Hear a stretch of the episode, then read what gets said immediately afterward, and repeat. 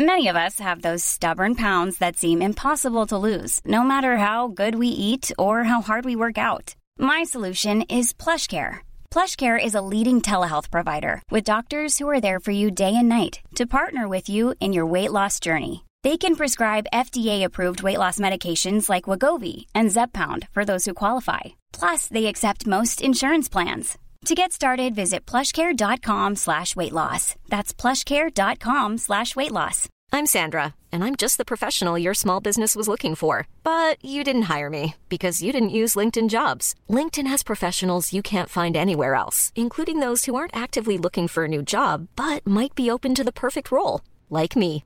In a given month, over 70% of LinkedIn users don't visit other leading job sites. So if you're not looking on LinkedIn, you'll miss out on great candidates like Sandra. Start hiring professionals like a professional. Post your free job on linkedin.com/people slash people today.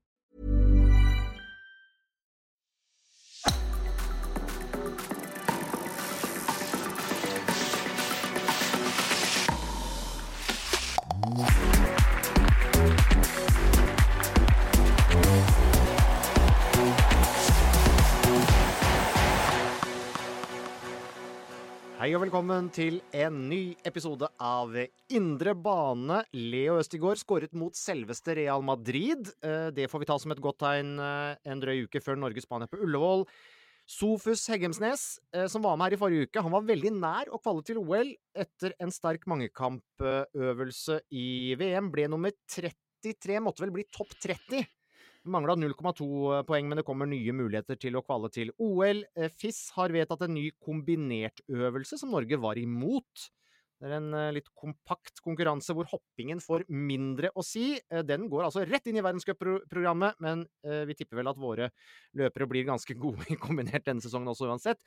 Og Per Strand Hagenes vant sin største seier til nå på sykkelsetet da han gikk helt til topps i Münsterland Giro. 20-åringen som da er en av flere unge, lovende norske ryttere i Jumbo Visma. Eh, Men han skjønte det altså ikke helt da han vant. Så der ligger en ganske morsom video du kan se på eurosport.no. Og så registrerer vi at VAR i Premier League fungerer akkurat som det skal. Eh, Og ellers, eh, Dorthea, hvordan er livet? Nei, ellers så går det bra. Det har vært tøft med Liverpool-supporter i, i hus. Mm. Du har vært på kamp, og du er jo med det andre laget. Mm. så Nei, det har vært tøft. Det har vært mye var-prat, og Ja. nesten ikke vil snakke om det.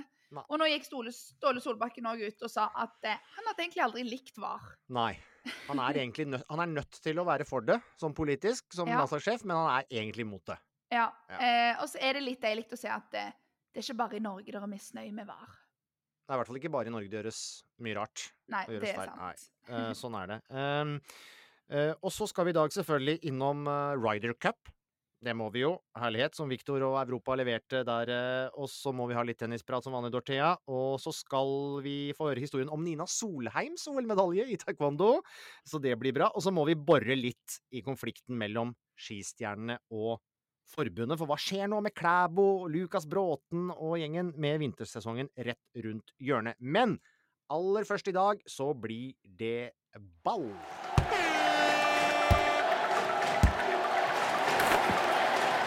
Vi starter i dag med fotball, ja, og aller først eh, landslaget. Tirsdag ble troppen som skal møte Kypros og Spania i EM-kvalifiseringen neste uke tatt ut. Ingen eh, veldig store overraskelser, men Manchester City-spilleren Oscar Bob er med A-landslaget for første gang, og det er det mange som gleder seg over. Kenneth Fredheim, er du begeistret?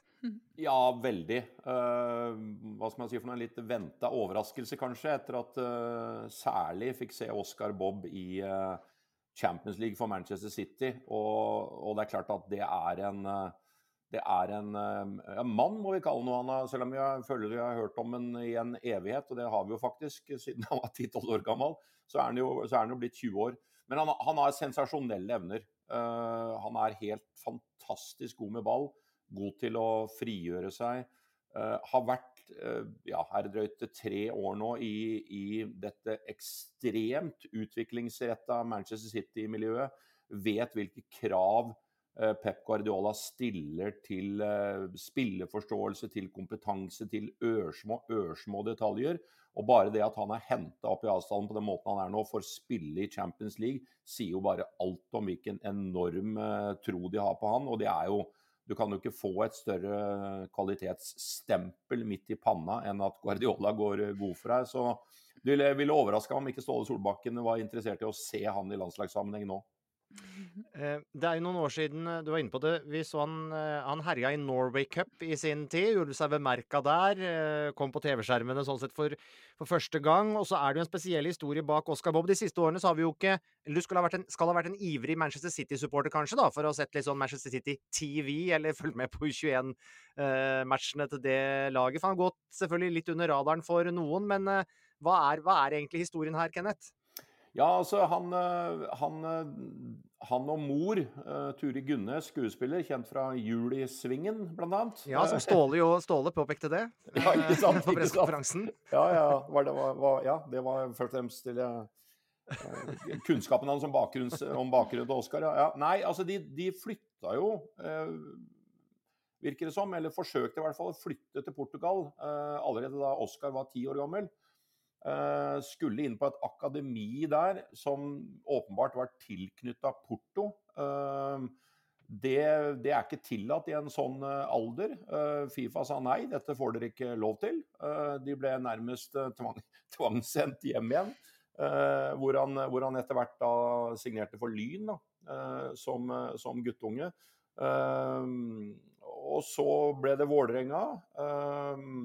Men, men, men, du kan si igjen, Asbjørn, det du sier der, altså igjen så gikk en måte under radaren litt rann, den tida der også. ikke sant? Altså Vi hadde Martin som debuterte som 15-åring i, eh, på alt det mulige, hadde han sagt. Og, og, og, vi, og, vi, så han fra da. Mens, mens Oscar Bob da gikk til City i 2019 ikke sant? og har, utvikla seg der. Brukte tid, sies det, i Manchester City egentlig på å ta nivået. Var litt bak de jevnaldrende der. Og så ser vi vel bare det underliggende potensialet og, og, og der, han har, der, han har, kommet nå. Nå må vi jo presisere at han er et kvarter inn i A-lagskarrieren sin. Men, men, men, hatt en helt åpenbart fantastisk utvikling i Manchester City. Og det er jo gøy med disse, da. altså når man drev med dette her en stund, så har man jo mange man har hørt om siden de er tenåring, og det er ikke grenser for hvor gode de kommer til å bli. ikke sant? Og, og de fleste hører du aldri noe om senere. Eh, nå har vi på en måte to, Martin og Oscar Bob, eh, som er på den største arenaen i, i, verden. Og de har vi hørt om siden de var, eh, siden de var bitte små, må vi kunne si. Nusa fikk jo landslagsgjennombruddet sitt og muligheten sin sist, og, og er vel nå litt usikker pga. skade. Dorthea, du var jo veldig fornøyd med å se han da, på kanten for, for Norge sist. Hva tror du? Oscar Bob, potensielt en ny ny, ny favoritt?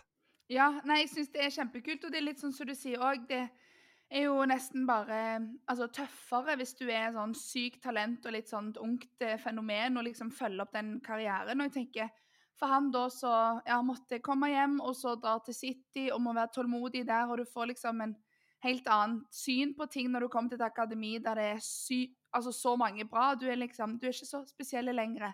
Så kom litt ned på jorda. og sånn, Det er jo et kvalitetsstempel at Guardiola tar deg opp. og Jeg så intervju med Guardiola nå. Han mente jo det var jo ikke Ståle som skulle få en flaske vin, det var jo Guardiola som skulle få en flaske vin for at han hadde vist han fram. Og, og det er jo helt fantastisk. Men kanskje var fristende å dra til en annen klubb eller få seniorfotball litt tidligere. Men han har vært tålmodig og gått de rette stegene. og ja, Det står det stor respekt av. for det har nok vært andre klubber kanskje som han kunne debutert for litt tidligere. Men eh, veldig, veldig kult å tenke langsiktig, da. Så dra til City. Ja, det er et kjempepoeng, Kenneth, med, ja. med riktig klubbvalg og hvor viktig det er. å klare å stå i det, uansett da, hva, du, hva du velger.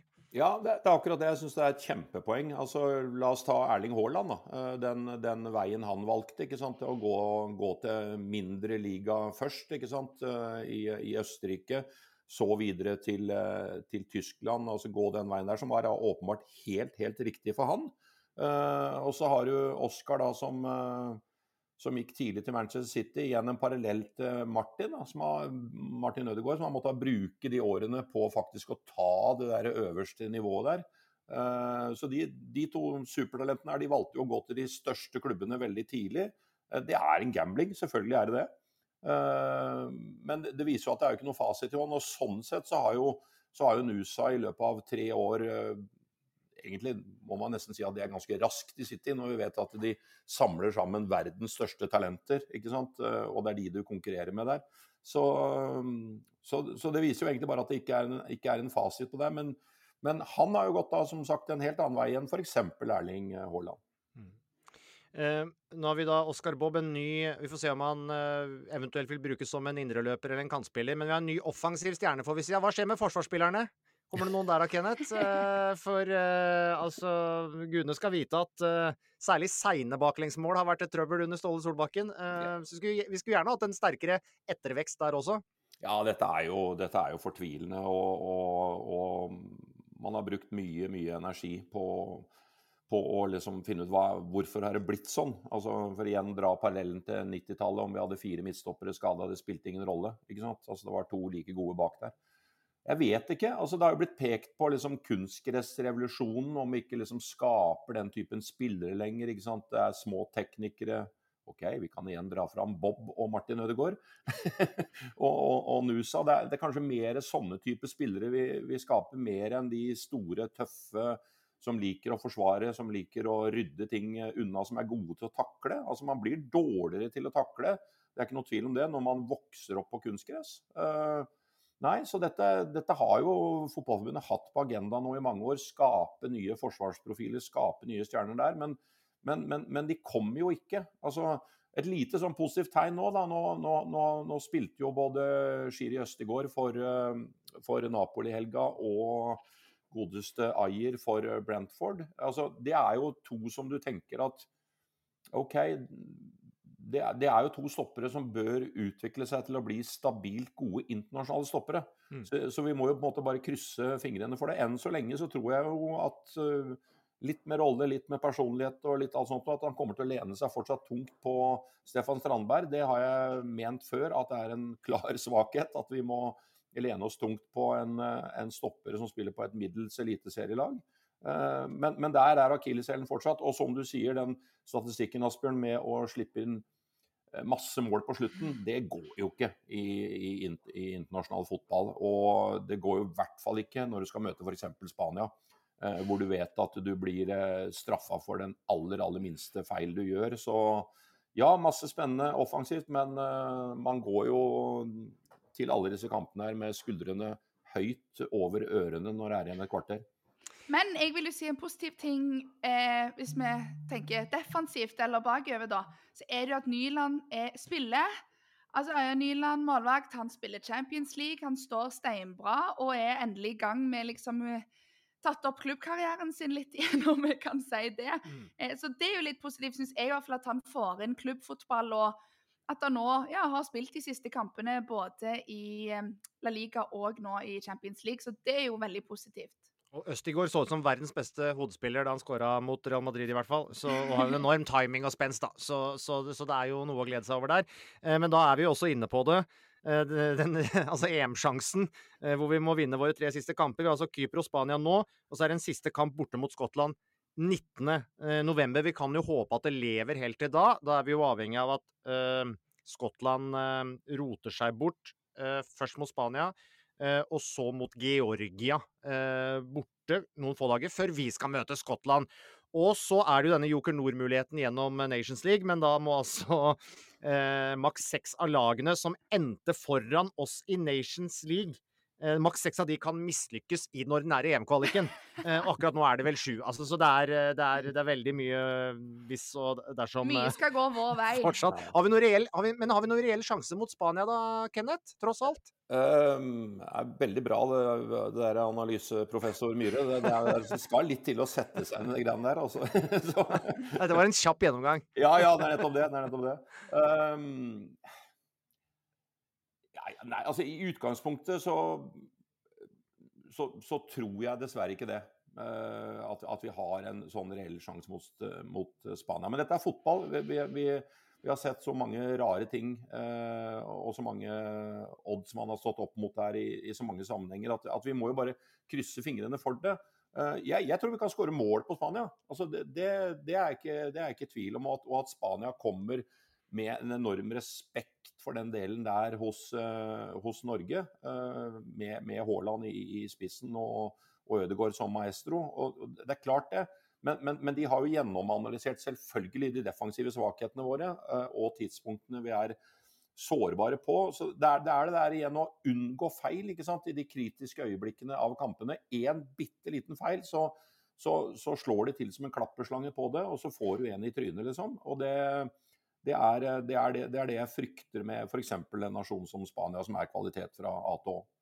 Det blir uansett gøy med, med, landskamper til uka, og gøy med Spania på Ullevål. Landslaget for denne gang. Eh, Kenneth, heng med litt til, for nå skal vi snakke om gullstriden i Eliteserien. Ja, det drar seg til i toppen. Eh, sju kamper igjen. Glimt ett poeng foran Viking, som er tre poeng foran Tromsø. Og bak der så er jo ikke Molde og Brann helt hekta av de heller. Skulle Molde slå Glimt til helga, da, for eksempel, eh, så er de kun fem poeng bak bodøværingene. Det er jo Kenneth, ganske unikt at fem lag eh, henger med i gullstriden såpass seint ute i sesongen. Ja, absolutt. Uh, unikt og, og, selvfølgelig veldig veldig spennende. Og, og, det er klart at Molde, for Glimt i hvert fall, er en, er en eh, seriøs joker uh, i, i, i, dette her. Altså, vi har jo sett dette her mye gjennom de siste seks årene. ikke sant? At, jeg har brukt uttrykket flere ganger at Molde knakk på en måte Glimt-koden som, som, det første laget. med, med å ha så stor kvalitet i laget, ligge defensivt, ligge kompakt, nekte Glimt de rommene de hadde, og så kontre på Glimt. Uh, og, og, de koser seg ikke i Bodø når de ser statistikken mot Molde de, de siste årene. Inkludert cupfinalen i fjor, så har Molde vunnet tre av de fire siste interne oppgjørene mellom, mellom klubbene. Glimt har slitt veldig, veldig på Aker, Aker stadion, så den den er utrolig spennende. og det er klart at også slår de seg jo sjøl eh, hardt i bakhuet oppe i Molde, selvfølgelig, med tanke på denne grusomme april måned som de hadde. Eh, eh, Tapte jo fem kamper fram til midten av eh, juni, var det vel. Eh, etter det har de vært helt eh, fantastiske i Molde. Så de er på en måte på sitt beste nå. Og noe av det, noe av det skumle med Molde er jo liksom altså Glimt lener seg jo tungt på Pellegrino og Mombania, vi må, må jo kunne si det når det, når det handler om skåringer. Mens Molde igjen, da, som vi alltid har hatt, de har liksom mål fra nærmest alle mulige posisjoner. Og, og, og vil jo elske selvfølgelig først nå pulverisere Viking og sette en, en, en ja, en kjepp i hjula deres. ikke sant? Og så gjøre det samme med, med Glimt nå. Jeg, har Molde som en liten favoritt der. Og det betyr da, for å komme tilbake til Asbjørn, at jeg tror dette kommer til å leve helt inn. Mm. Og Glimt da til, til Molde uten uh, suspenderte Pellegrino. Uh, men uh, Kenneth var inne på det, Dorthea. Viking fikk ordentlig stryk av Molde. Er du bekymra for at laget ditt hjerte ramler sammen nå på slutten? Ja, jeg skulle ønske jeg kunne si nei, men jeg er kjempebekymra. De skal visst lage kinofilm om dette blir eh, om dette blir en suksess, og det er mye fokus rundt, og det er intervjuer og hører meg rundt og media, og de er, ser pissenervøse ut. Og altså, creds til Molde. Jeg syns de spiller beste fotball de har spilt på lang, lang tid. Nå har de jo Martin Linnes ute, da, men de Ja, eh, wow. De er fulle av selvtillit, så jeg tror nok òg Glimt er litt stressa der. Men eh, nei, jeg er livredd. Jeg tror de trenger dette år. Jeg, jeg, jeg tror ikke at jeg tror de trenger et år til. Eh, jeg tror det rakner kanskje litt nå. Eh, de kan redde seg inn. Det er mye bortekamper som kommer eh, framover nå.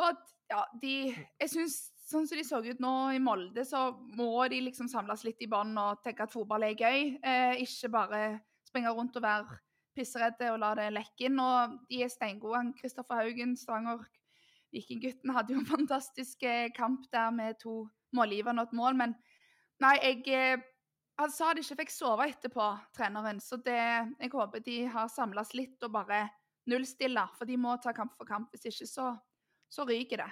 Ja, og dette syns jeg er et kjempepoeng. ikke sant? Altså Molde og Glimt de, de, de kan dette her med å kjempe om titler. De har ja. vært i denne situasjonen her. ikke sant? Eh, eh, Stavanger er jo en by hvor når det går bra, så begynner det å koke noe alvorlig. ikke sant? Og jeg er enig, de driver med mye greier der nede nå. Og så er jo spørsmålet liksom, tar det kan det ta vekk fokuset ditt? Og, og, og kommer skuldrene opp, som sagt, når du, når du, vet at ok, nå begynner det, vi kan faktisk vinne dette greiene her. Ikke sant? Og alle spørsmål du får, alle spørsmål du får, handler om det. Eh, og da, da er det klare å se gjennom det, jobbe gjennom det og holde det fokuset der. Den rutinen har de ikke i forhold til eh, Glimt og Molde. Og, og, det, og det, er, det, er, jo en lang vei opp for Molde, da, tross alt. Eh, men, men, men, de tror på det. De er i hvert fall på medaljejakt, det tror jeg ikke vi trenger å lure på.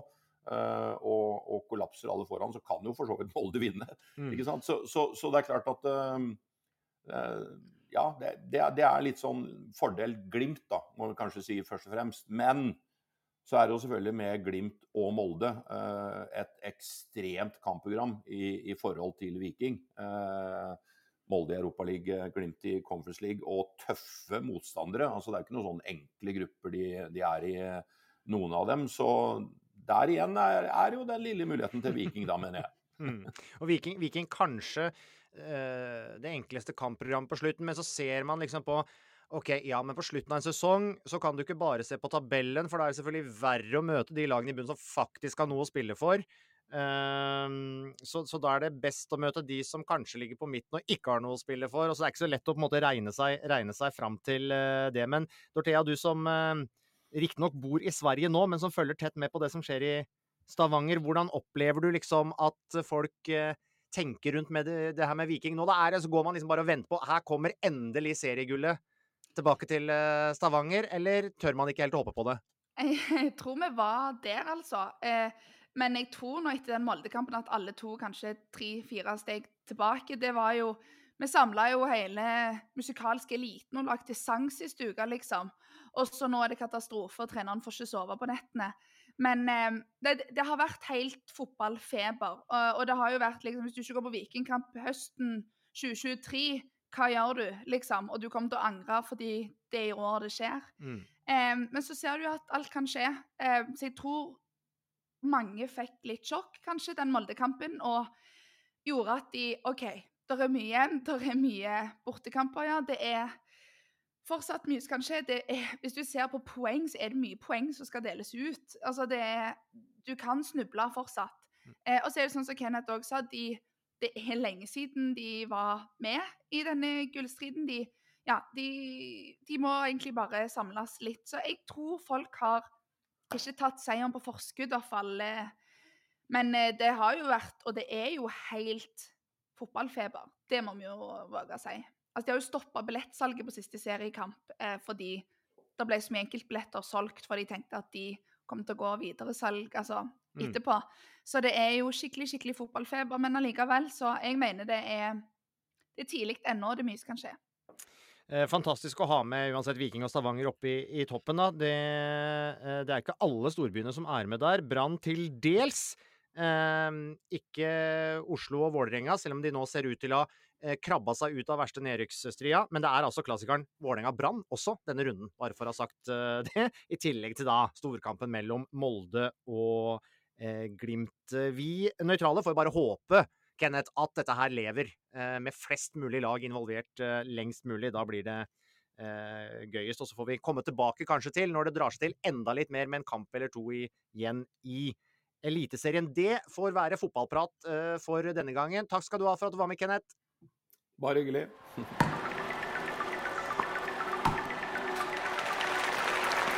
Senere i episoden skal vi bl.a. oppsummere Ryder Cup og forsøke å komme til bunns i konflikten mellom skistjernene og forbundet. Men aller først litt tennis i dag òg, vel, eh, Dorthea. Eh, Kasper Ruud fikk en kjempestart i kvartfinalen i Beijing mot eh, Carlos Alcaraz, men spanjolen var sterkest til slutt. Var det her en forspilt mulighet til å slå Alcaraz?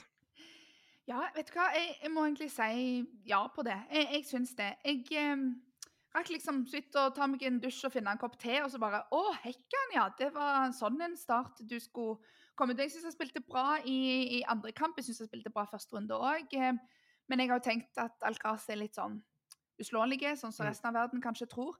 Men wow, for en begynnelse Kasper fikk. Eh, så må jeg si at jeg ble litt skuffa. Jeg følte kanskje at han var litt sånn OK, men nå ble det 6-4 i første sett jeg tapte her, så det er jo jevnt og, og, bra nok. Og man har liksom de breakballene, han har mulighet til å ta den og, og, liksom få et lite forsprang, så ja, Det er jo ikke at han syns det går greit, sånn som jeg tror, men jeg syns kanskje han bremser litt ned, istedenfor bare å hive seg over de mulighetene. Men det er vel eh, mye annet som skjer òg, eh, både i hodet til han og Alcaraz i de avgjørende situasjonene. Men tennismessig en ekstrem opptur, eh, vil jeg si, den Beijing-turneringen har vært. Men, men, bare for at jeg tolker deg riktig, at du kanskje savner litt killerinstinkt ja. når tennisen egentlig Når tennisen er teknisk bra, da, så skulle du hatt ja. litt mer killerinstinkt? Ja, og, og, det var litt sånn kontraster òg. Nå så jeg Hovland i Ryder Cup, så bare fistpumpa og skreik og var liksom helt der. Og så syns jeg jeg så en liksom enda mer reservert Kasper. Eh, om han er jetlagd eller, eller, hva det er. Men tennisen veldig bra. Jeg syns han gjør veldig mye bra taktiske valg. Jeg syns han har spilt god tennis disse tre kampene i, i, Beijing. Men jeg er litt sånn, han virker jo litt reservert og litt tilbakeholden og ikke så sulten eh, som jeg skulle ønske. da. Når du har liksom fått et forsprang på Alcaraz i en ATP-turnering mm. i en kvartfinale. Du vet det, du må ta hvert poeng for å komme til den eh, ATP Finals som topp åtte i, i verden siste året kommer til så tenker jeg sånn Dryng gang du skal være så sulten, kanskje, som da. Eh, det er slutten av sesongen, du har hatt litt fri nå. Kom ned der og bare ja, mm. spill så bra du kan. Så litt skuffa der. Jeg møter en tøff motstander nå i neste turnering. Er allerede på plass i Shanghai. Jeg møter en eh, Nishioka der som han tapte for i fjor. Eh, jevn kamp, eh, så å si. Men, men, fortsatt, det blir tøff motstand. Eh, og nå slutten av sesongen, jeg tror Altså, Alcaraz tapte jo semifinalen runden etterpå mot Sinner. Eh, jeg tror det er ingen som er fysisk 100% Jeg tror det er flere som er mentalt slitne òg. Men det er mye på spill. Det er mange som kjemper om de siste plassene i finals. Så nå håper jeg at han kommer til Shanghai og ser at eh, kunne slått Alcaraz i den kvarten. Jeg. Så nå må jeg skikkelig finne, finne fighting spiriten nå siste ukene før eh, det avgjøres i november. Håper Kasper tar med seg den gode tennisen, da, også til, til, Shanghai. Shanghai Masters ser du i hvert fall da alt da på Discovery Pluss. Så er det sagt også.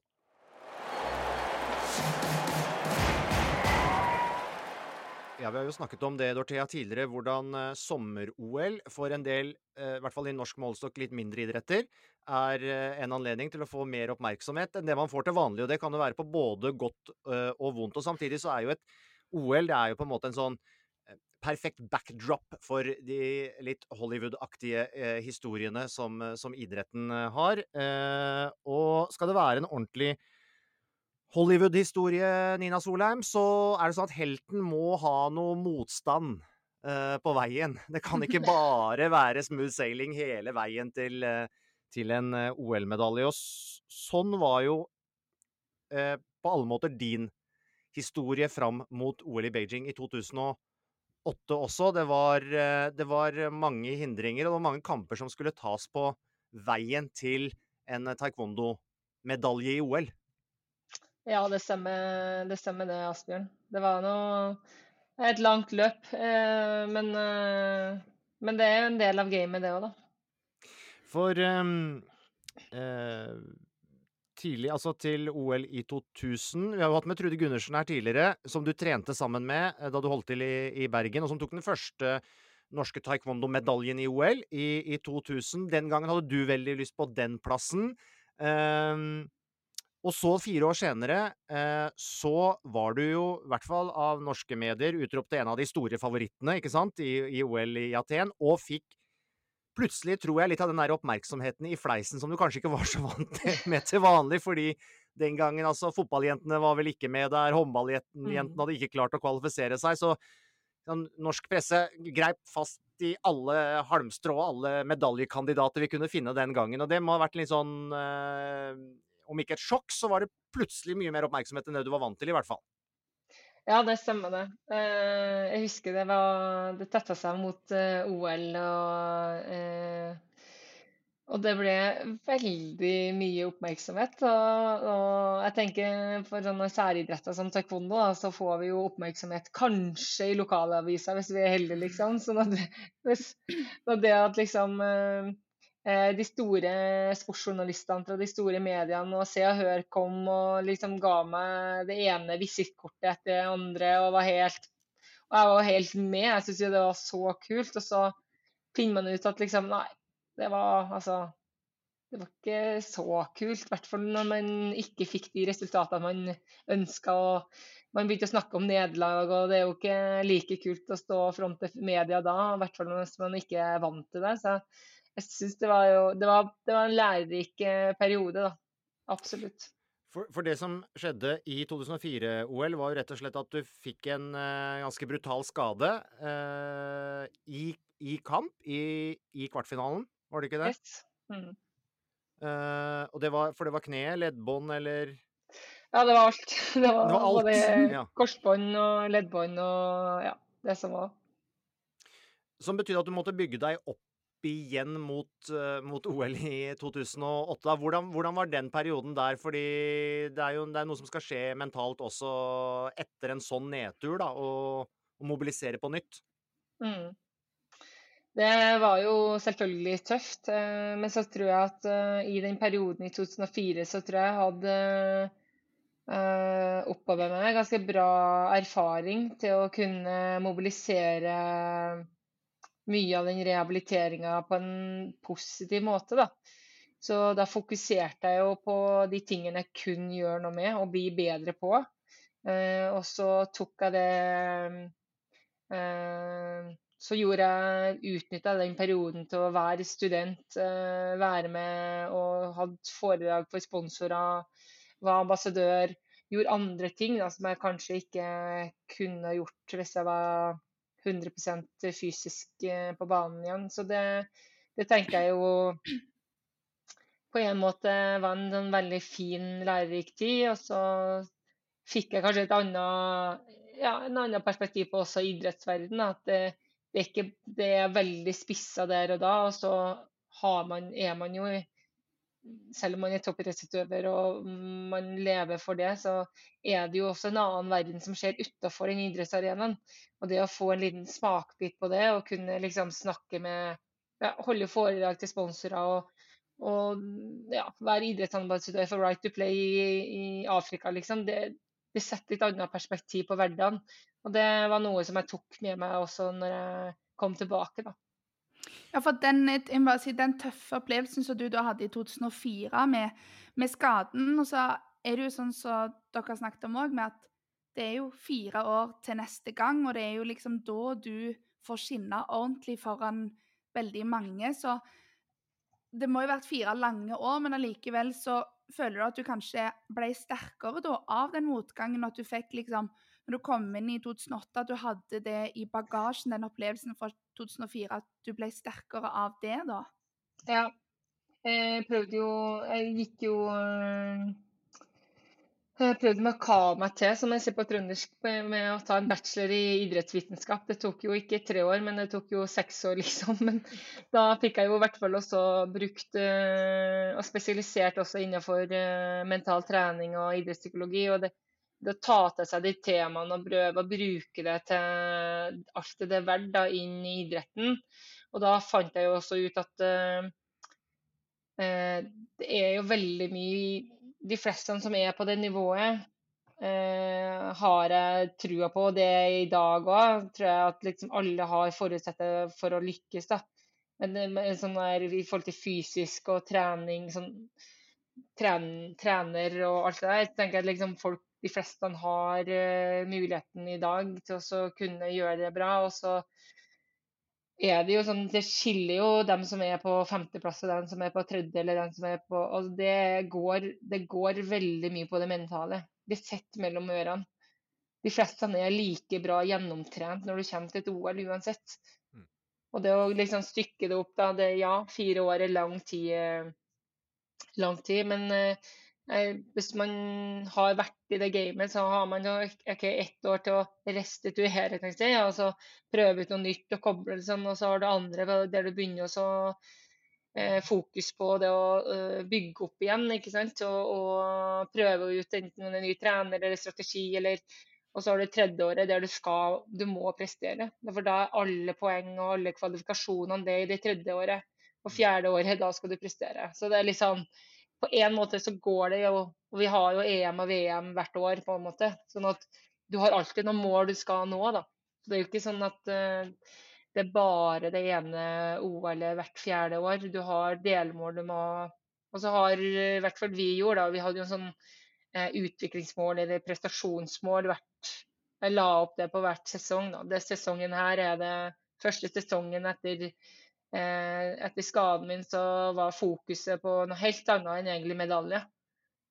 Da var det bare å komme i gang og få stola på kneet og, og kjenne, få tilbake rytmen og, og, og, være bare Ja, og kjenne på at man, man eh, har det bra i, med kneet, og at man er, er, i kontakt med det. da. Så, og andre ja, Året etter så går det jo mer på spiss igjen og kunne bygge på den erfaringa man har, og, og klare å prestere og komme seg til et nytt OL da, det siste året. Mm. Hva, hva, hva, husker du best da fra eh, akkurat OL i, i, Beijing?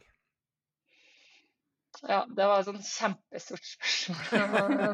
uh, jeg husker det, Nå begynner det å bli så mange år siden, men jeg husker det som det var i går. Ja. Så jeg tenker sånn alt fra det å jeg husker mest hvordan jeg jobba mye med tankene mine sjøl, faktisk. Jeg husker veldig mye selvsnakket mitt. Jeg husker jeg skrev dagbok. Eh, eh, og det er sånn ønsketenkning på hvordan jeg ønsker å ha det. Eh, hvordan jeg ønsker å være. Um, så det sånn Forberedelsesmessig så husker jeg det mest av hvordan jeg jobba mye med meg sjøl. Uh, og det under selve OL, så På kampene så så husker jeg veldig godt eh, alle de der fokusmomentene på OK, nå skal jeg hvile. Nå skal jeg være på. Ikke sant? Sånn, ja, sånn et sceneskifte, egentlig. Mm. Eh, og bare det Og selvfølgelig følelsen av å kjenne at man eh, ja, kjenner man at man er i bra fysisk og mentalt form når man går utpå matta der og kunne kjenne på at man tar eh, ja, skårer poeng og har gode følelser under hele egentlig hele mesterskapet. Det var, det var en sånn veldig, veldig god dag. Ja, for du, du, du, rakk å kjenne på at du lyktes kamp for kamp også? At det ikke bare var de her eh, hva skal jeg si, ekstreme forberedelsene og, og de her sceneskiftene som du snakker om? Du rakk å kjenne liksom litt på ja. det fra kamp til kamp?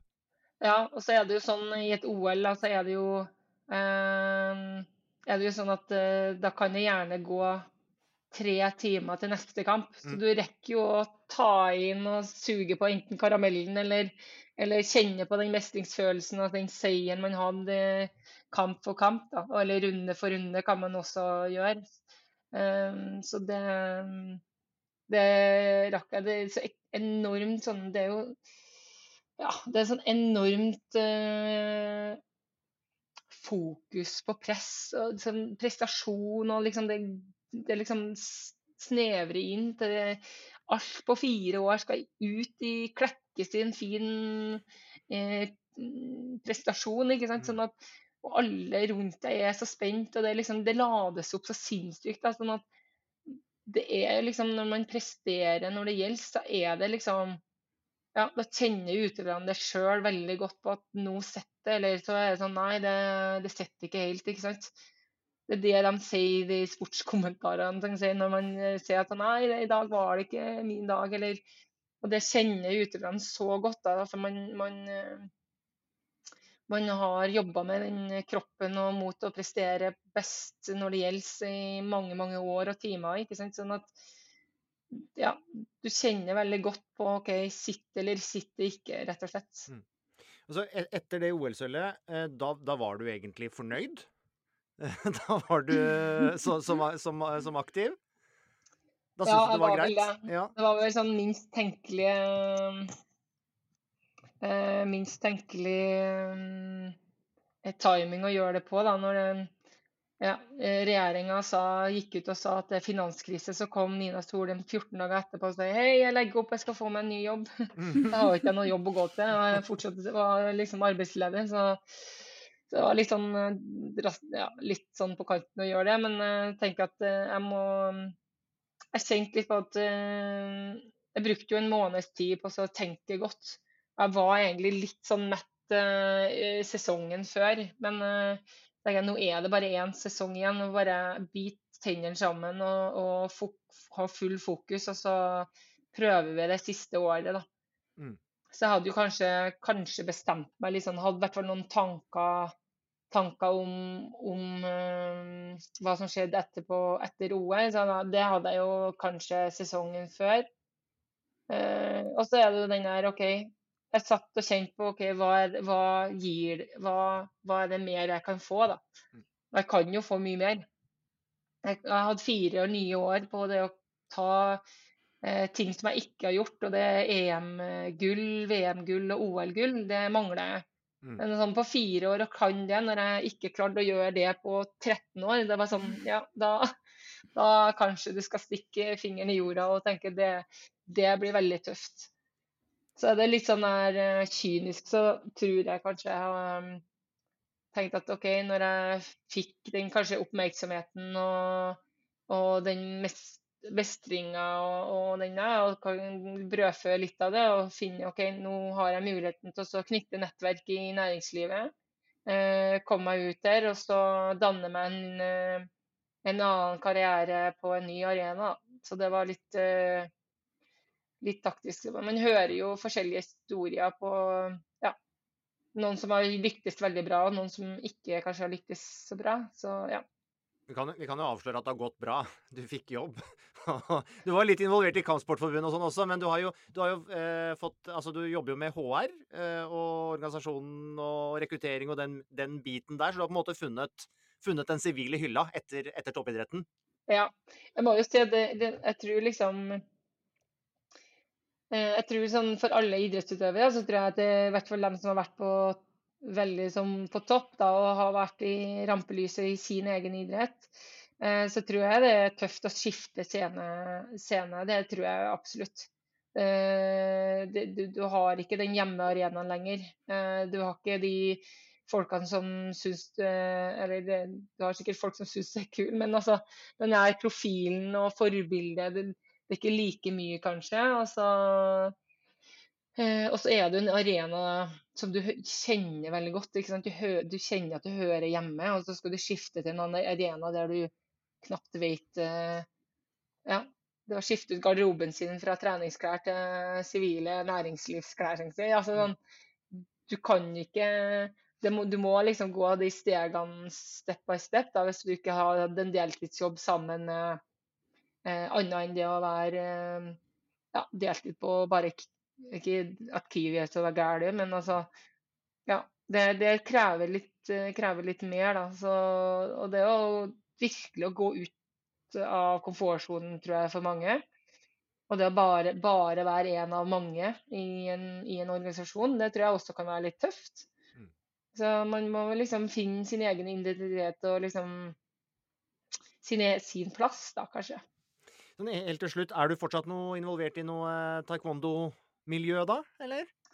Ja, du, eh, har, det er veldig mange år siden jeg ikke var det. Ja. Eh, da ble det mye fokus på jobb. Eh, men jeg har jo en familie, og nå har jeg jo en gutt som er sju år. Mm. og så vi bor i lille Gjerdrum. Mm. Eh, og det er ikke lite, da, men eh, ja, vi bor i Gjerdrum, så nå har vi funnet ut at nå skal vi Nå har vi faktisk starta en sånn liten barnegruppe, da. et halvt års tid nå. Eh, så, nå, eh, så, nå, får vi se hvordan det går. Mm. Eh, de er jo fort det er ekstremt mye sånn ære være alle som tar barnegruppepartier. Det er jo det er en egen interesse for seg sjøl, tror jeg. Men det går bra, da. Så vi tar det pent og rolig. Så vi er en sånn liten gruppe på 20 stykker som trener ja, de er 6-9 år. Da. da får vi se, da blir det kanskje OL 30 96 eller noe. Føler jeg har et øye på det. Nei, da, da, skal jeg ringe deg, for å si sånn. Ja, gjør det. Veldig bra. Eh, Nina Solheim, tusen takk for eh, praten. Eh, gøy å høre om veien fram Litt tumpete veien fram til det som til slutt ble et OL-sølv og en, og en flott avslutning på en strålende karriere. Mom deserves the best, and there's no better place to shop for Mother's Day than Whole Foods Market. They're your destination for unbeatable savings, from premium gifts to show-stopping flowers and irresistible desserts. Start by saving 33% with Prime on all body care and candles. Then get a 15-stem bunch of tulips for just $9.99 each with Prime. Round out Mom's menu with festive rosé, irresistible berry chantilly cake, and more special treats. Come celebrate Mother's Day at Whole Foods Market. There's never been a faster or easier way to start your weight loss journey than with PlushCare. PlushCare accepts most insurance plans and gives you online access to board-certified physicians who can prescribe FDA-approved weight loss medications like Wigovi and Zepbound for those who qualify. Take charge of your health and speak with a board-certified physician about a weight loss plan that's right for you. Get started today at plushcare.com slash weight loss. That's plushcare.com slash weight loss. plushcare.com slash weight loss. I'm Sandra, and I'm just the professional your small business was looking for. But you didn't hire me because you didn't use LinkedIn jobs. LinkedIn has professionals you can't find anywhere else, including those who aren't actively looking for a new job but might be open to the perfect role, like me. In a given month, over 70% of LinkedIn users don't visit other leading job sites. So if you're not looking on LinkedIn, you'll miss out on great candidates like Sandra. Start hiring professionals like a professional. Post your free job on linkedin.com/people slash people today.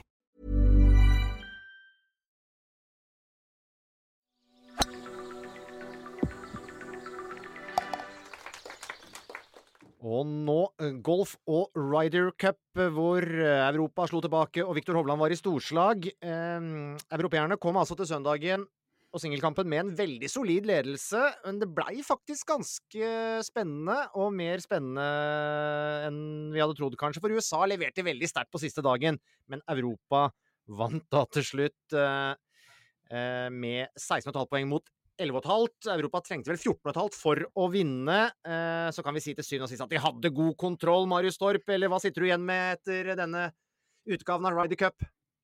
Ja, nei, det er som du sier, det ble jevnt. Det har en tendens til å bli jevnt uansett hvilke Eller i hvert fall spenning da, i løpet av et eller annet punkt i løpet av søndagen. Men man følte vel sånn innerst inne at det, det var mye som skulle gå galt for at ikke de klarte å få tak i de 14,5 poengene. da. Eh, spesielt etter to strålende dager fredag og lørdag. Så veldig, veldig imponerende. For USA har en enorm bredde. De har et veldig sterkt lag veldig veldig sterkt av Viktor og resten av det europeiske laget på å dra hjem den seieren. Det var eh, meget imponerende. Eh, ja, og du er inne på det, Viktor Hovland. Eh, nå er det vel, kom vel ut statistikk som viser at han, var- han var rett og slett best av, de, av alle 24, eh, Viktor Hovland. Ja, du kan, kan vel til og med driste deg til å si at de siste, kanskje siden midten av juni eller tidlig juni, så har han fort vært verdens beste golfspiller i, i fire måneder, tre måneder nå. Så utrolig imponerende å se hvor, hvor eh, høyt nivå han har eh, kommet opp på nå. Hvor høyt han har klart å holde over lang periode. og så var det kult å se en annen type Viktor. Han er vant til at vi, vi ser ikke så mye fistbumps, vi ser ikke så mye følelser. Eh, kanskje litt i likhet med Kasper Ruud. Altså man ser ikke så mye sånn utad. Men nå så man virkelig at han jazza publikum. Han var med fra start. Han bygde opp. Han chippa jo i på det første hullet på fredag morgen. Og siden den gang så bare var han på publikum hele tiden. Og det var kult å se. Det var veldig kult å se. Ja, altså Helt fra denne hole in one han hadde på treningen på torsdag, så var jeg bare sånn Åh, dette blir helt rått. Og jeg er helt enig. Jeg fant jo først ut nå at de begynte så tidlig. Jeg sa herlighet, Johannes. 07.50 i morgen, liksom.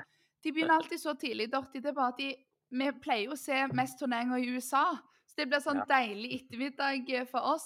Men altså, det var så gøy. Og jeg, jeg ser jo på um, Blaker, som var der eh, på Twitter.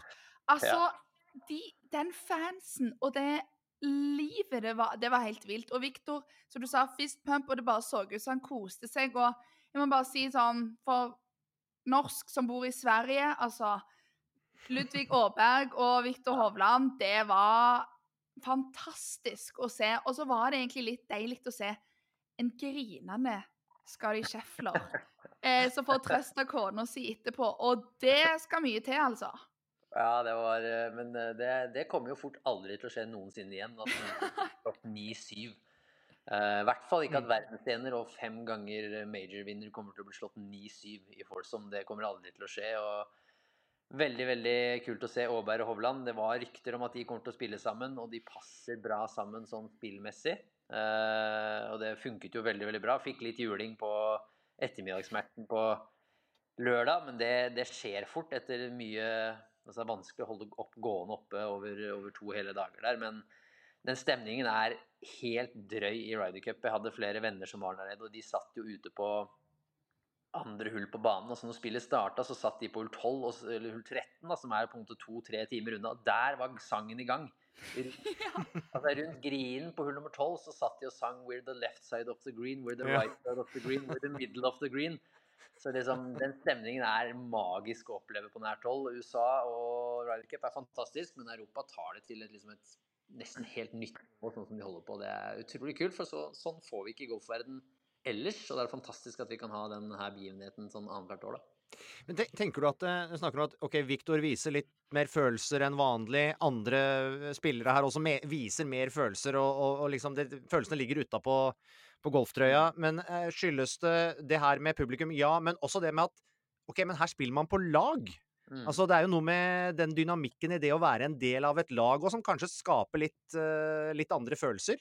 Ja, ikke sant. Du ser det helt klart. Du er inne på det der, altså. Fordi du ser hvor mye et halvpoeng betyr for veldig mange av de, ikke sant. Mm. Og, og, det er noe med det når man spiller for seg selv hele året rundt, og så kommer du og møtes, eller egentlig da i to år, da, så kommer du og møtes eh, tolv stykker sammen som er kvalifisert og utvalgt til å liksom representere hele europaturen. Så du representerer på en måte alle andre spillerne på europaturen, da. Uh, og det er et stort privilegium, og du ser hvor mye det betyr for Europa. Det er det som har vært diskusjonene tidligere, at det betyr ikke så mye for USA og de amerikanske spillerne som det gjør for europeerne. Det er derfor de også klarer å utligne hva skal man si, den kvalitetsforskjellen rankingmessig. Eh, så det er helt klart at det betyr noe mer. Og du ser det jo i feiringene underveis og etterkant hvor eh, Jeg snakka litt med Victor når han kom hjem, han var relativt seig i skøyta på, på mandag morgen der, liksom. Så man ser hvor mye det betyr, og det, det er fantastisk å se den idrettsgleden uh, når man vet at de tjener ja, det er en måned siden han vant 200 millioner i FedEx Cup, og nå vinner han, vinner han, ikke en krone nesten, og det betyr enda mer, ikke sant. Så det, mm. det er fantastisk å se. Ja, for, for, det er liksom en sånn slags sesongavslutning, men det er, også, det er jo ikke bare sånn, Det er jo på ingen måte en koseturnering, bare. Altså, du ser, ser prestisjen som, som ligger, ligger, i det. Så det er ikke bare en sånn ah, ei helg nå med gjengen, liksom. Nei, det er stort å representere Europa i Ryder Cup og USA. Det ryktes jo selvfølgelig at uh, amerikanerne måtte bry seg mindre og vil ha betalt, men det er rykter. Det tror jeg innad inne så tror jeg de tenker at det er like mye verdt. Men uh, det er veldig veldig kult å se at uh, det er så stor prestisje, og at det betyr så mye for disse beste spillerne i verden å møtes da annethvert år. Kjempe for kontinentet, for sitt land, for sine lagkompiser og for sine kolleger da, på, på, turene. Og, å se den stoltheten og den idrettsgleden da, som går igjennom og skinner gjennom, den er veldig kul å se. Det gjør jo turneringen mye bedre òg. Ja, og det er jo det at de velger det igjen og igjen, og de syns det er liksom det gjeveste av det gjeve, og så kult. Mm. Og så er det kanskje litt sånn når det er annethvert år òg, at, de har, mm. altså, at det er veldig sunt, for du blir liksom ikke trøtt på det. og du, du Nå gleder vi oss jo til to år når det blir i USA, men det er jo litt fascinerende med den at de altså nå er Det vel, det var vel over 30 år, og det satt jeg og tenkte hele søndagen, når mm. jeg syns USA ja, gjorde det litt for godt, og det ble litt for jevnt, så, så sa jo han det er mange år siden USA vant i Europa. Du. Og nå sa jo Rory etterpå, det er jo dritkult, han bare Nå er det tid på at vi skal vinne i USA om to år. Og se liksom han som har vunnet alt som du kan vinne, og mm. har familie og har spilt så mange år, at de velger det, det er jo helt fantastisk. Um, ja, det de har skapt rundt.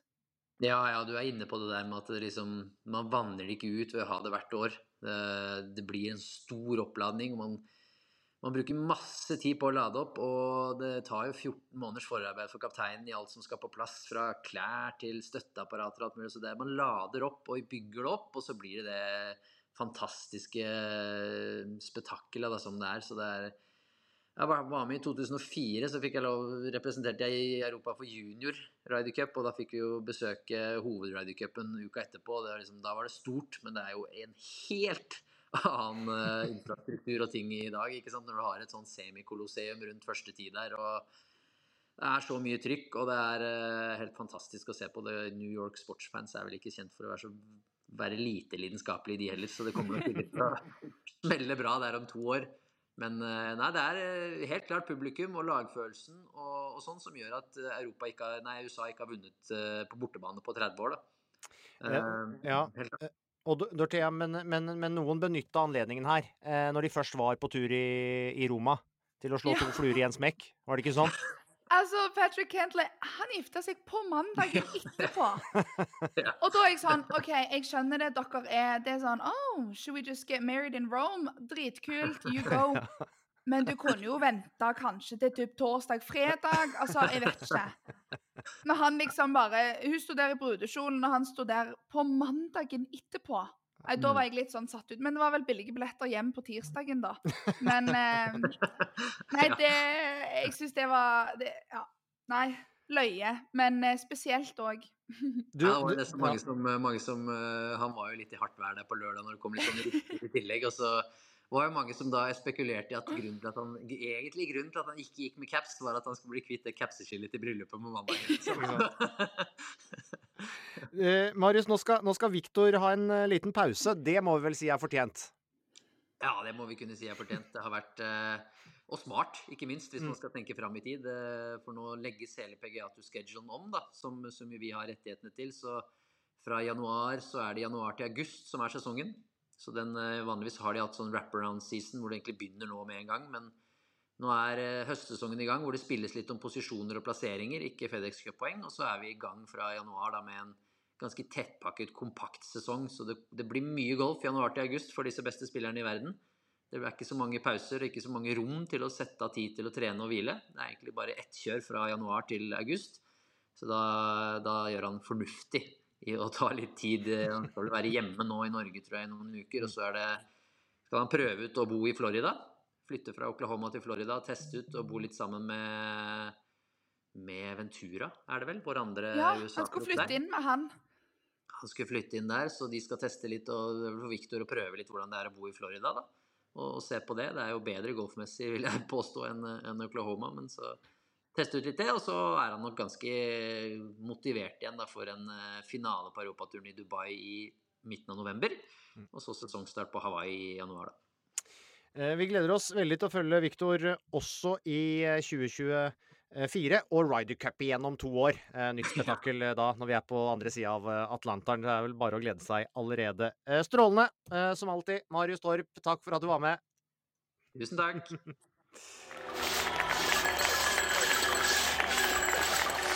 Ja, En ny vintersesong er rett rundt hjørnet. Noe som ikke er nytt, men som kanskje er i ferd med å tilspisse seg, er at Skiforbundet og noen av de største norske vinterstjernene eh, er i konflikt om bruk av navn og bilde og sponsoravtaler og landslagsdeltakelse eller eh, ikke. Fra Petter Northug og Henrik Kristoffersen eh, tidligere til Johannes Klæbo og Kilde og Lukas Bråten, så er jo dette en problemstilling som Skiforbundet sliter med å få over målstreken. Og vi skal etter hvert snakke med Birger Løfali i Adressa. Han følger ikke min situasjonen rundt uh, Johannes Høsflot Klæbo tett. Men aller først Vegard Arntzen, som er daglig leder i Sponsor Insight.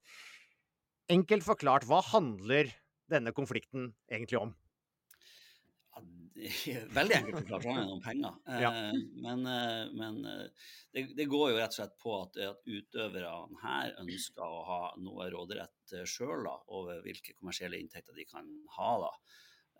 Og, men som en del av landslaget så er de da forplikta til å være lojale mot de sponsorene der, og ikke da profilere konkurrerende sponsorer. Så det er den ene sida. Og det andre er jo da mengden på en måte av jobb rundt dette, at det er noe rom for å jobbe med egne sponsorer, som ikke da er i konflikt med forbundets, forbundets sponsorer. Mm. Uh, og Siden dette på ingen måte er noen ny konflikt, egentlig, uh, hvor, hvorfor, er det, hvorfor, er det, så vanskelig å løse dette her? Det, det, det, er jo, Hvis man er litt observant, så ser man at det er de store stjernene dette dreier seg om. og Det er jo de som da har store muligheter utenom eh, landslaget da, til egne private avtaler. Da. Det er ikke sånn at sponsorene vanligvis ringer opp og står i kø for, hvert, eh, for enhver utøver som gjør det bra sportslig. Det må jobbes for, for, å skaffe disse inntektene for de aller, aller fleste. Men de absolutt største stjernene de har nok en viss pågang. og og da, er det klart at da blir det fristende å kunne ha muligheten for å ta imot uh, større inntekter. Ja, og så, eh, sånn som du sier òg med når er dette vinduet som de ikke sant, må gå med landslaget sine sponsorer og, og litt sånn. Er det da fra altså forbundssiden at de vil bare at utøverne skal representere de sponsorer, eller har det vært et lite vindu der de kan drive altså, med egne sponsorer og reklamer eh, fra før av, eller er det ingen rom for det? Det, det, er jo litt sånn spesielt dette med, med Skiforbundet, hvordan disse tingene fungerer. Men, men de, er du en del av landslaget, så er du på en måte helårsrepresentanter. Men så har de noe som kalles for representasjonsavtale, som vil si at du kun er forplikta knytta opp mot de konkurransene du går, da. Uh, altså ca. ei uke uh, rundt, rundt, disse konkurransene. Altså, I praksis så kan man da uh, egentlig kun være bundet til dette her i selve konkurransesesongen. da. Eh, men resten av året så kan du ha egne, egne sponsorer. Men da må du kanskje også ta litt av kostnaden med treningsopplegg og treningsleirer osv. sjøl. Mm. Og det eh, ser vi at f.eks. Johannes Klæbo tar jo kostnader knytta ja. til eget sportslig, sportslig, opplegg. Men jeg tenker på dette med de representasjonsavtalene som de da må inngå om de skal konkurrere. Eh, hvis de da ikke går med på det, eh, så blir jo produktet som forbundet har å selge, vesentlig svekka, må vi kunne si. Siden dette er ofte de store stjernene det er snakk om. Ja, selvfølgelig, og det, det, er jo det som er dilemmaet. altså At man, man, har noen store stjerner og noen enere som, som, er i den situasjonen at de ja, så er så privilegerte at de kan uh, få store egne inntekter. Uh, men så har du en, ganske stor uh, gjeng for øvrig da, som, som, ikke har det like lett for å skaffe egne personlige sponsorinntekter. Når de her største utøverne også snakker om en mangel på dialog, at de ikke blir forstått. Er det også en kulturkrasj her på et eller annet vis? Altså, er det noen eh, Er det et forbund som er gammeldagse og utøvere som bare tenker på seg sjøl, eller hvor eh, Hvordan er den situasjonen egentlig? Nei, jeg, jeg, tror det er så enkelt som at, eh, at forbundet de har hele idrettsgrenen å, å, å ta, ta, hensyn til. Uh, og alle disse pengene som kommer inn fra sponsorer, går jo til å drive med den idretten som er der. Det er det som finansierer treningsopphold, reiser, alt mulig. Det, sitter, det er jo ikke noen som sitter og beriker seg i noen forbund og, og, med store overskudd osv. Så, videre. så alle de pengene pløyes jo tilbake til sport. Så det er klart, eh, dersom eh, det blir vanskeligere å skaffe disse inntektene fordi at sponsorene ser på det som mindre attraktivt fordi enerne ikke er en eh, fullverdig del av det, så blir det mindre penger til å drive sport. Og i ytterste konsekvens så kan jo det gjøre at det sportslige nivået etter hvert da vil eh, også kunne merke det. Ved at man ikke kanskje har råd til å ha like mange trenere, råd til å reise på like mange treningsleirer osv. Så, videre, og så, videre. så den finansieringen man får fra kommersielle partnere, er helt avgjørende for det eh, produktet som de leverer, og for de opplevelsene vi som vanlige publikummere har foran TV-en. Altså at vi har verdens beste utøvere i vinteridrett. Det er jo i ytterste konsekvens da det du gambler litt med, at man ikke har eh, like godt grunnlag i fremtida. Rett og slett man ikke har råd til å kjøre et like godt sportslig opplegg. Forbundet skal omfordele, det er jo egentlig det du sier. Altså de største ja. på en måte stjernene trekker inn en stor del av sponsorinntektene, og så må på en måte forbundet omfordele de her midlene for å spre den sportslige satsinga. Ja, men jeg vil korrigere deg litt, fordi det er ikke bare de største stjernene som gjør at disse bedriftene er inne. Mm. Og, da er det jo bare å, å se på f.eks. lagidretter. De er jo, altså, Fotballforbundet har hatt store sponsorer lenge før Haaland og Ødegaard kom inn og, og ble store stjerner her nå. Mm. Så, og Sånn er det også i, i, vintersporten. Men det har jo alltid vært noen enere der eh, til enhver tid. liksom. Sånn at, eh, det er jo nesten utrolig for når, når når Kjus og måtte legge opp, så lurer jeg på hvordan det skal gå, så er Svindal der osv. Så, sånn, så vi har jo vært veldig privilegerte i, i vinteridretten at det alltid er noen stjerner der, men sponsorene er ikke inne kun pga. dem, altså. Men det er klart, det vil forringe produktet hvis det nå er flere da, som eh, ikke ønsker å være en fullverdig del av dette. Eh, for det er klart at eh, Sponsorene vil jo selvfølgelig ha tilgang til de største stjernene når de først er inne som sponsorer.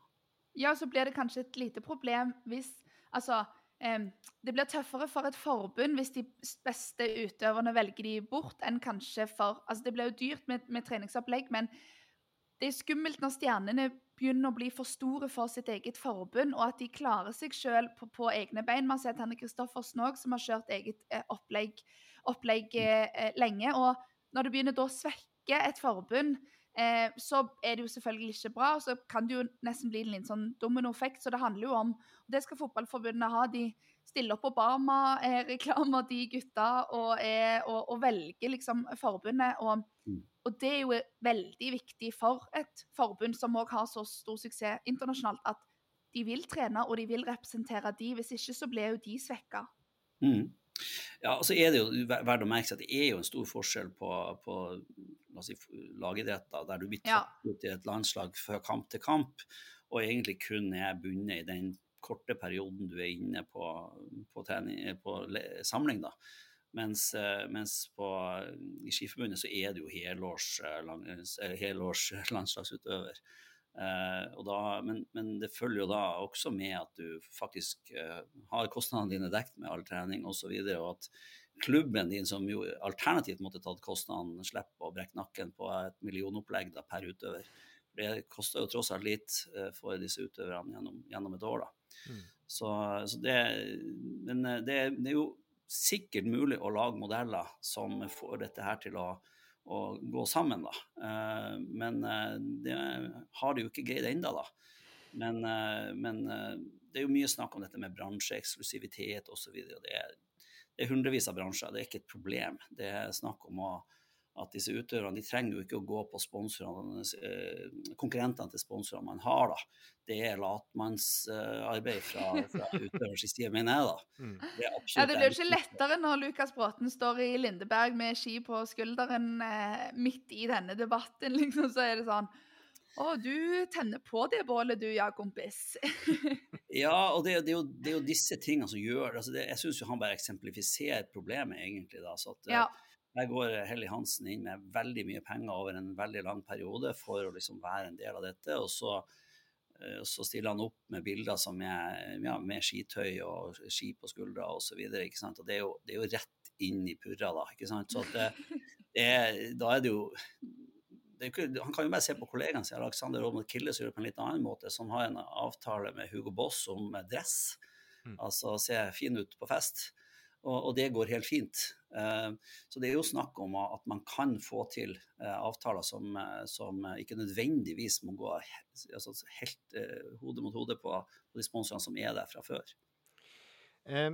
nå vet vi jo at liksom, økonomien i særforbundene, også de aller største, er jo, den er jo pressa i øyeblikket. Og, og, det makroøkonomiske bildet er jo som det er, så det er, det er ikke så, så, enkelt å skaffe penger nødvendigvis heller. Det er er dette her er det liksom alvorlig nå? Er det, er det, hele modellen for organisering og finansiering av norsk idrett som er, eh, er, under et kraftig press her, eller er dette fortsatt bare noen få enkeltsaker, egentlig?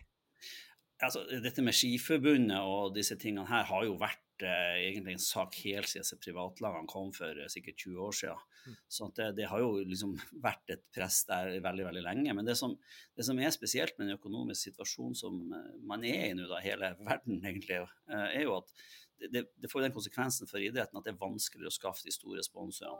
Og Det som er interessant da, er jo at det er jo mye mye billigere for en sponsor å sponse en enkeltutøver enn å gå inn på et forbund du kan gjøre en liten kampanje eh, til si f.eks. en halv million, da, mens, eh, mens en, eh, en, sponsor kanskje har nødt til å bisette fire-fem millioner i fire-fem år som et alternativ.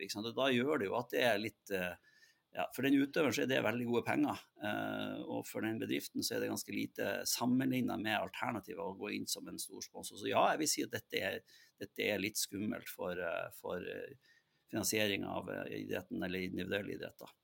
Fordi at eh, alternativet for sponsoren er rett og slett det er mye billigere å samarbeide direkte med en enkeltutøver.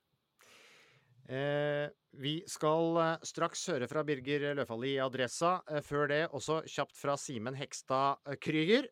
Takk skal du ha, Vegard Arntzen, som er daglig leder i Sponsor Insight, med oss fra London for å kaste litt lys over, over situasjonen. Takk skal du ha.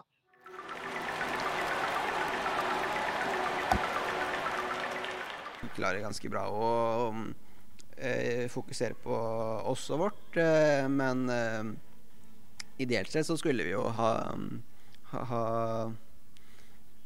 løst alle sånne konflikter og sånn eh, nå og vært eh, ferdig med det. Det hadde vært det beste for alle, og oss inkludert.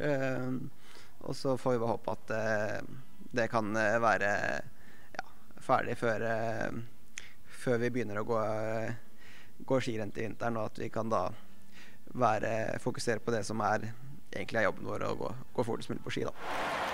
Ja, det sa Simen Hekstad Krüger på landslagets pressetreff i Oslo denne uka. Birger Løfaldli, kommentator i Adressa, det begynner vel kanskje å haste med å få på plass en såkalt representasjonsavtale med Johannes Høsflot Klæbo? Eh, ja, det er jo ikke så mange uker igjen. Og um, det kommer jo til å bli mer og mer oppmerksomhet uh, om det her, hvor, hvor lenger tida går. Og Eh, sånn historisk så kommer jo det her kanskje ikke på plass før eh, rett før. da. Eh, hvis det i hele tatt kommer på plass, så jeg tror jeg at sjansen for at det ikke kommer på plass, den er større enn noen gang. og Bl.a. økonomien til Skiforbundet er jo noe som kan påvirke det. Ja, ja, Hvor langt unna er de hverandre her, sånn du oppfatter det? Nei, det er vanskelig å si. Eh, altså, eh, det er jo ikke så enkelt å få ut eh, få innsikt i akkurat det. Da. Så er det jo sånn at det er langt unna inntil det er helt avklart, sånn som det ofte er i sånne situasjoner. Men det virker jo liksom sånn, sånn, som, sånn, som, det høres ut. og det, Sånn som jeg tolker det, så er det fortsatt et uh, godt stykke. og Jeg tror ikke det er sånn at det er gitt at her blir de enige. Um, og det er en mellomsesong, det er ikke noe mesterskap i år. så det er en helt annen situasjon enn neste år. Hadde det vært i 25 når det er VM på hjemmebane, så hadde det vært helt uaktuelt at eh, Klæbo ikke, ikke får gå skirenn. I år er det jo faktisk eh, det er en mellomsesong, og jeg tror ikke det er et helt uaktuelt eh, scenario. Nei, for Klæbo sjøl heller, da. Og, og, på en måte, ja, han kan gå noen langløp, han kan gå noe konkurrere på den måten, holde på med andre ting og, og droppe World Cup. Som du sier, det er ikke noe mesterskap i år. Nei, Hvis han mener det er viktig nok, hvis han og teamet mener det er viktig nok, så er jo det her sesongen der han kan ta kampen uh, fullt ut. Um, han risikerer ikke så mye. Han, han, det, er, det, er, en hovedting uh, han har i hodet sitt, og det har vært best mulig de 14 dagene VM i Trondheim uh, pågår. og Det er ganske lenge til. og Om han må stå over noen uh, v-cuprenn i år, så er det ille. Men det er ikke det er ikke det viktigste. Så hvis han, Det blir jo en oppveining, det her. da. Den kampen han kjemper, det han, det han ønsker å oppnå, mot det han taper og risikerer. Uh, får, får, får, vi ordentlig tak på hva det er han egentlig ønsker å, å oppnå her? Og hvor, hvor konflikten egentlig står? Nei, det er jo det som er litt vanskelig i den uh, saken her, uh, i den konflikten. For vi har jo hørt og vi har sett hva Klæbo argumenterer med. Uh, var jo på pressekonferansen hjemme den i sommer i, på Byåsen. Har jo sett hva som det ble begrunna med da han gikk ut. og Litt vagt er det jo. og Det blir snakka om verdier. det blir lagkompiser eller eks-lagkompiser blir tråkket fram behandling av dem. og så uh, har det jo vært fint derfor for oss utenfra å fått noe enda mer konkrete eksempel på hva, hva er det for noe. Og jeg ser at uh, Det var en sak i går der uh, landslagsutøverne i dag får spørsmål om det her, og det er jo litt sånn blanda reaksjoner. Uh, så så jeg er ikke sånn helt klok på hva er det egentlig eh, det handler om. Og det som, det som, er litt viktig her, da, det er jo at det er to biter her. Én ting er jo at Klæbo ønsker et eget opplegg eh, treningsmessig. Han ønsker å være veldig mye i høyden, sånn som han var i fjor.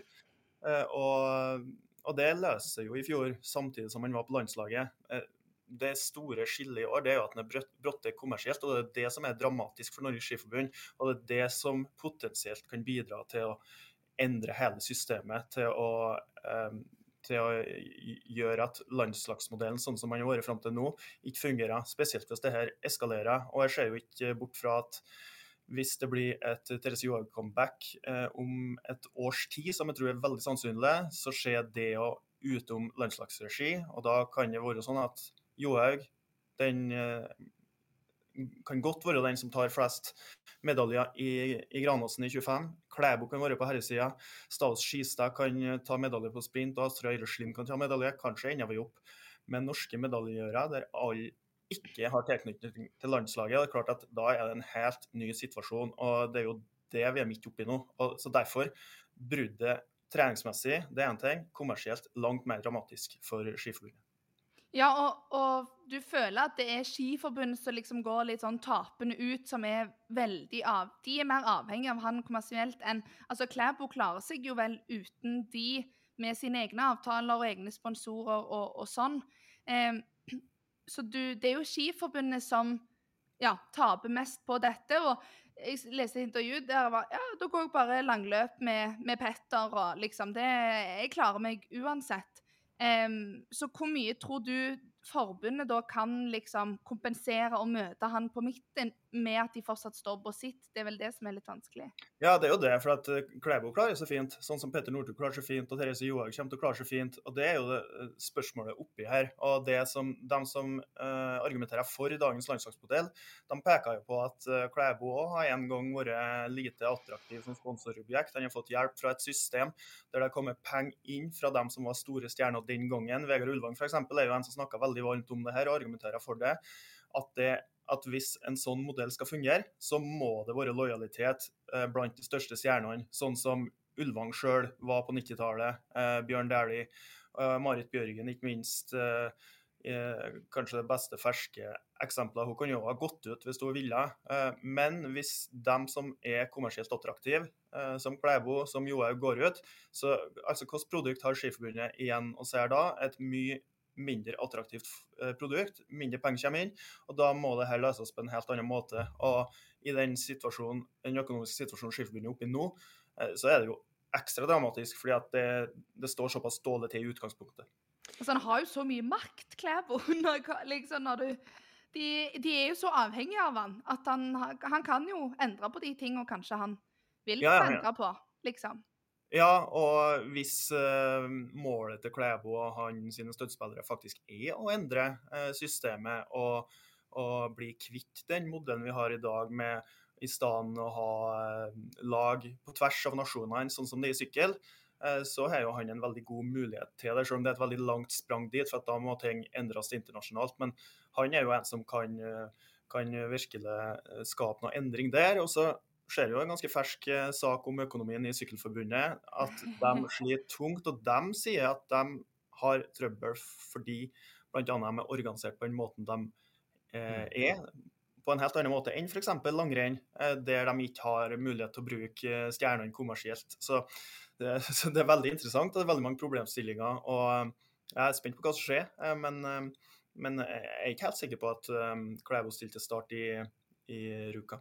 Vi kan vel merke oss at eh, Uno X, som bruker veldig mye av sponsorbudsjettet sitt på sykkellag, og så bruker de litt på Klæbo eh, også, de måtte også være med å betale for Sykkelforbundets deltakelse i EM i sykling, så her henger jo ting virkelig eh, sammen. Eh, Finn Aamodt, eh, trenerlegende og så å si pappalegende, han, han var jo ute i VG her nylig. Han var jo inne på et par av de tingene som du har også vært inne på, Birger. Han, sa jo, han var jo på den at han mente forbundet ikke anerkjenner nok den innsatsen de beste utøverne har lagt ned sjøl, eh, fra de var bitte små.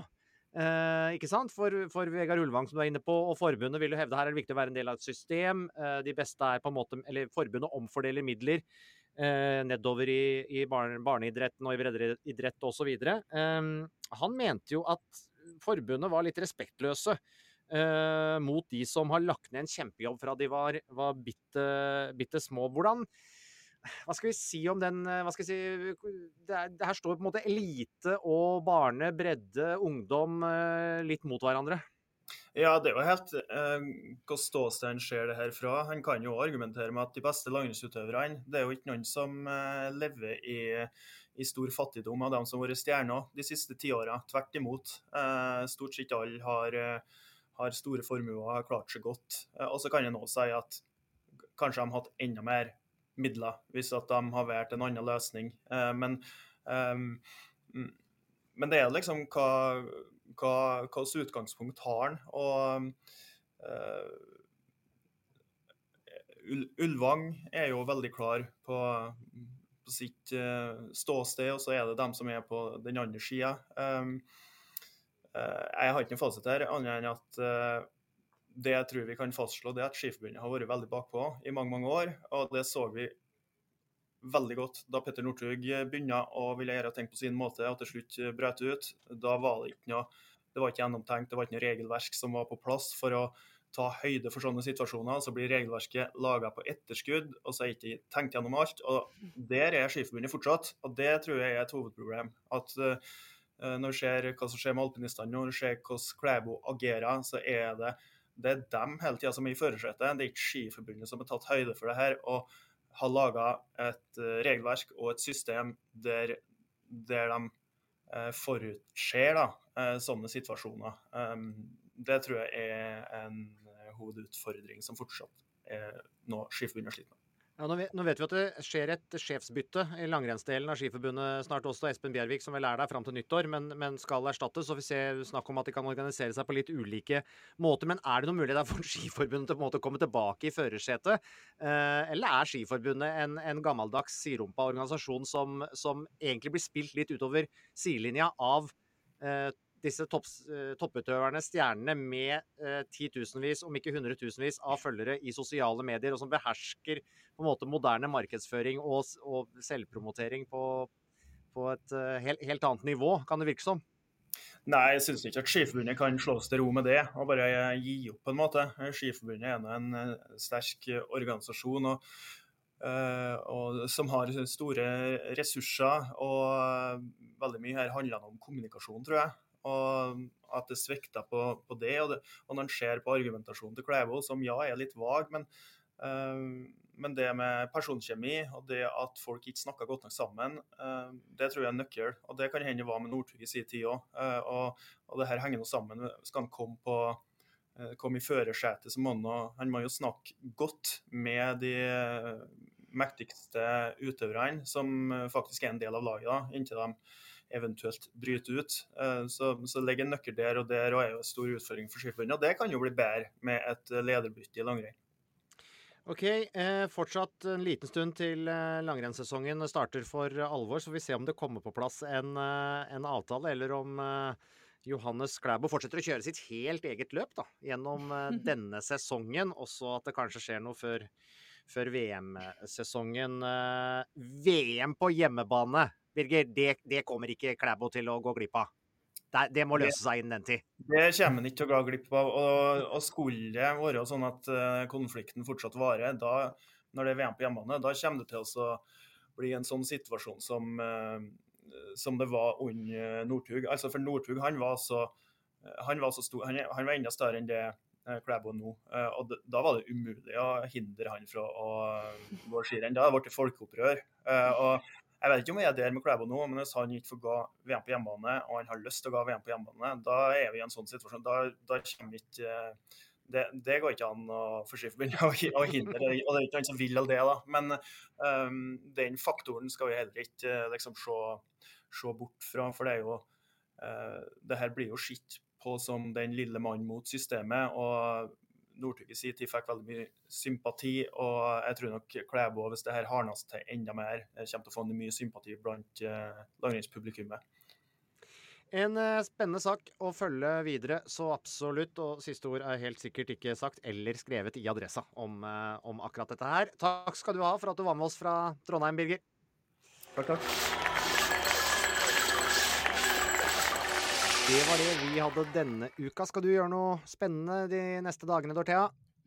Nei, jeg skal på hockeykamp, og så er, ja, det, er det jo spennende? Det er ja, spennende. det er spennende. Og så er det mye på TV, da. Både hockey og fotball. Og vi har begynt å se på Forræder. Jeg har vært litt sånn ah, motstander egentlig til Forræder. Så nevnte vi det her i podden med bryter Morten Thorsen som er med. Så da satte vi oss ned, og vi er helt ekte. Og satt i sofaen i går, så sa jeg det er jo skamdrit at det ikke er episode før på fredag. Det skulle jo vært episoder hver dag. Så vi gleder oss og skal se på Forræder på fredag. Men det er jo, jeg er enig. Eh, det er faktisk et, det er et bra program. Også, og du tvinges til å se TV sånn som litt i gamle dager. At du må vente en uke til å se.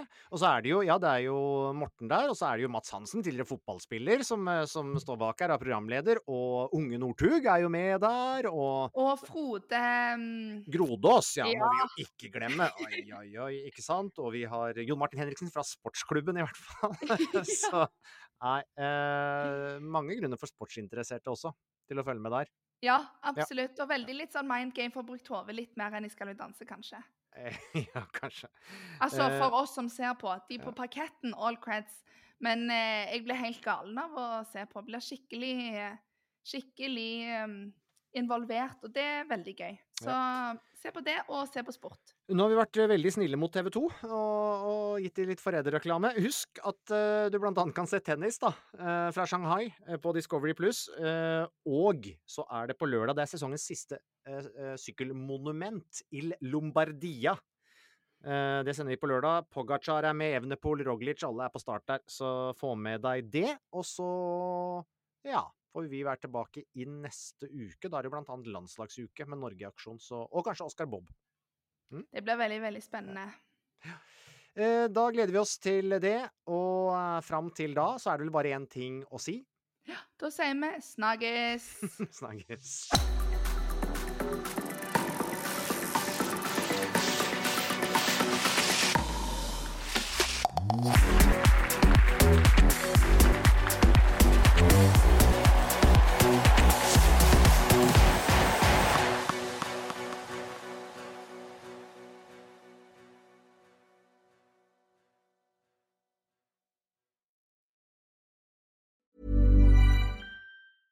Hey, it's Paige DeSorbo from Giggly Squad. High quality fashion without the price tag. Say hello to Quince. I'm snagging high-end essentials like cozy cashmere sweaters, sleek leather jackets, fine jewelry, and so much more. With Quince being 50 to 80% less than similar brands. And they partner with factories that prioritize safe, ethical, and responsible manufacturing. I love that. Luxury quality within reach. Go to quince.com slash style to get free shipping and 365 day returns on your next order. Quince.com slash style. Support comes from ServiceNow, the AI platform for business transformation. You've heard the hype around AI. The truth is, AI is only as powerful as the platform it's built into. ServiceNow is the platform that puts AI to work for people across your business removing friction and frustration for your employees, supercharging productivity for your developers, providing intelligent tools for your service agents to make customers happier. All built into a single platform you can use right now. That's why the world works with ServiceNow. Visit servicenow.com/ai for people to learn more.